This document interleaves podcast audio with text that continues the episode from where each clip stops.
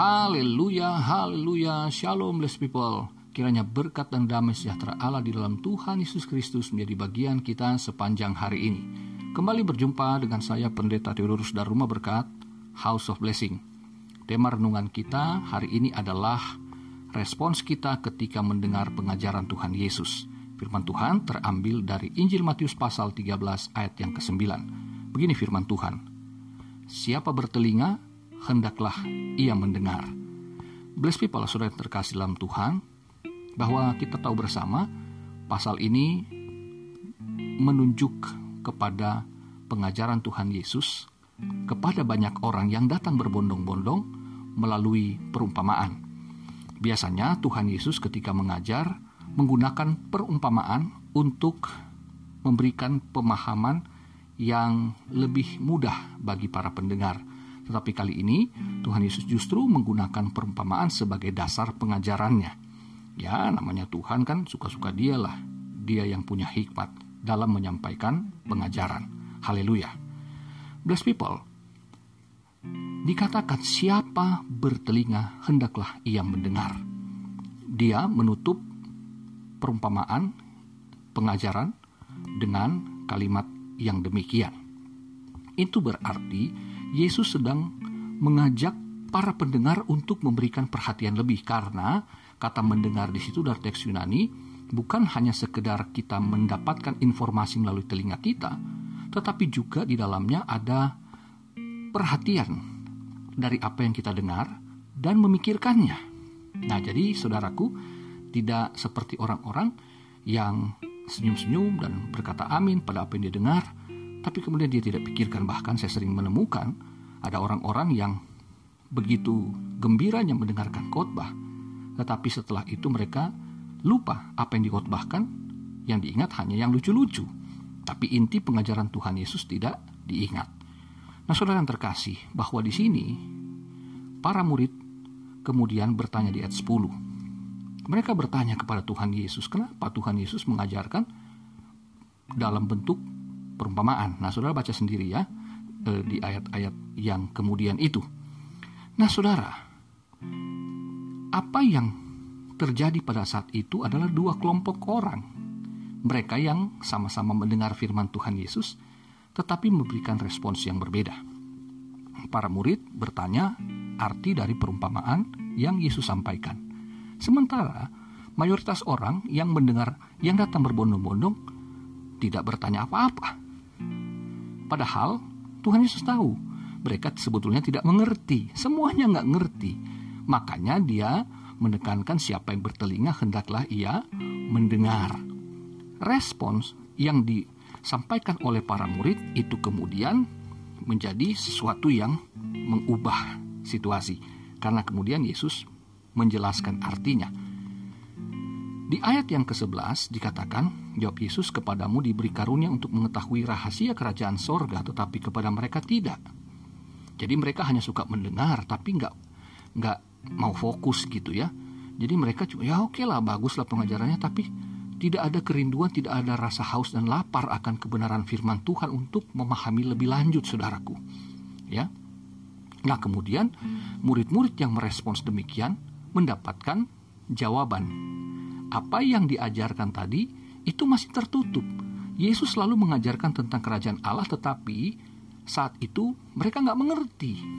Dan kemudian akhirnya Yesus menjelaskannya dari ayat 18 sampai ayat yang ke-23. Nah, Saudara dapat baca e, sendiri. Saya mau langsung kepada poin-poinnya saja karena saya percaya Saudara sudah tahu isinya. Saudaraku, ada empat jenis orang yang merespons dari pengajaran Tuhan Yesus, yaitu yang diibaratkan dengan tanah yang keras. Nah, saudaraku, bahwa ditaburkan di pinggir jalan itu menunjuk kepada respons orang yang mendengar tetapi dia tidak mau percaya.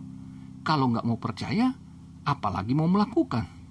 Nah, ini orang-orang yang Yesus tunjuk sebetulnya kepada orang-orang di depan matanya, yaitu orang-orang Yahudi sendiri, orang-orang Israel.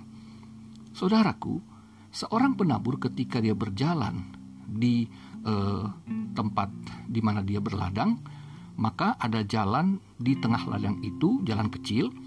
Kemudian dia mulai melemparkan benihnya ke kanan dan ke kiri. Nah, sebagian benih itu ada yang jatuh di jalan tempat dia melewati eh, ladang itu. Dan orang-orang yang lewat di situ dapat menginjak-injak benih atau burung-burung datang memakannya. Ini menunjukkan bahwa meskipun banyak orang yang mendengarkan banyak pengajaran Tuhan Yesus dari kejadian sampai wahyu, tapi ketika berkenaan dengan dirinya yang Tuhan tegur, dia nggak mau mendengarkan. Misalkan, ya banyaklah sekarang viral ya, e, sudah terbuka sekali. Ada orang-orang yang disebut pelakor, pebinor, ya. Bagaimana udah tahu itu suami orang, istri orang, tetapi tetap aja diselingkuhin. Padahal orang itu Kristen juga. Dia sudah tahu kok larangan firman Tuhan. Tetapi dia tetap melakukannya.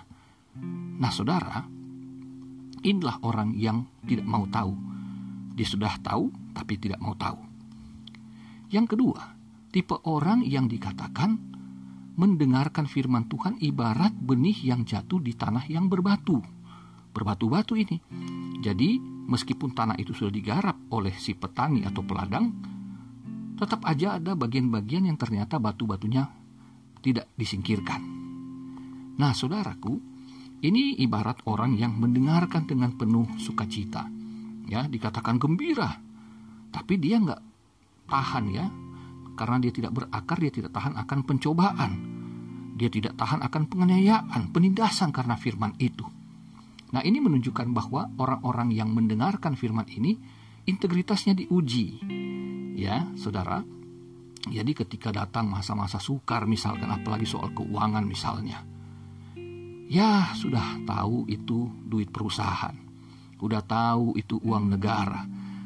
Tapi tidak mau mendengarkan suara Tuhan yang pernah dia dengar yang Roh Kudus ingatkan dia mengabaikan dia pikir ah ya gimana ya saya kan butuh saya punya kuasa untuk melakukan nantilah gimana caranya untuk diakal-akalin lah.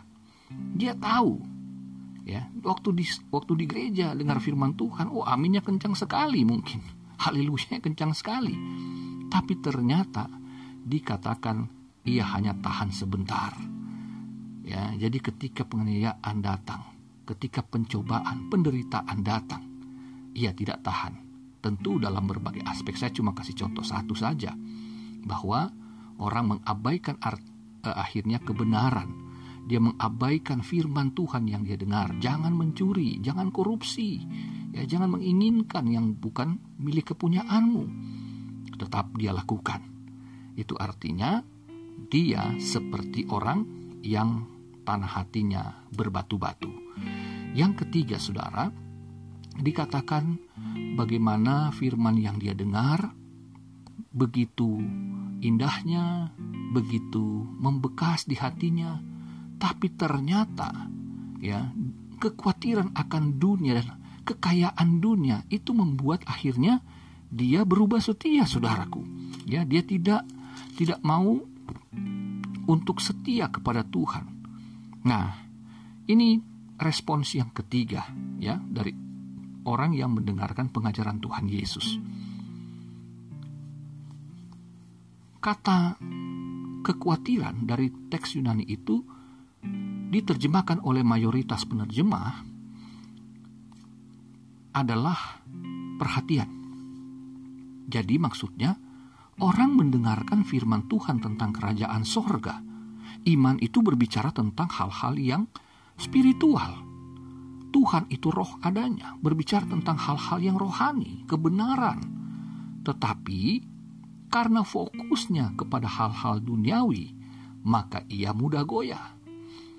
Ya. Jadi ketika melayani Tuhan, mengiring Tuhan, akhirnya menjadi pengiringan yang bersyarat. Dia berpikir bahwa kalau ikut Tuhan segala sesuatunya mudah. Bahwa dia uh, memikirkan hal-hal yang duniawi seperti misalkan contoh teologi kemakmuran. Bahwa kalau kamu ikut Tuhan, kamu mengimani, kamu melayani, Tuhan pasti memberkatimu. Ya, kalau kamu menabur banyak, Tuhan akan melipat gandakan hasil taburan saudara, hasil eh, sumbangan-sumbangan saudara, persepuluhan saudara, Tuhan akan ganti berlipat kali ganda. Jadi fokusnya pada hal-hal yang duniawi.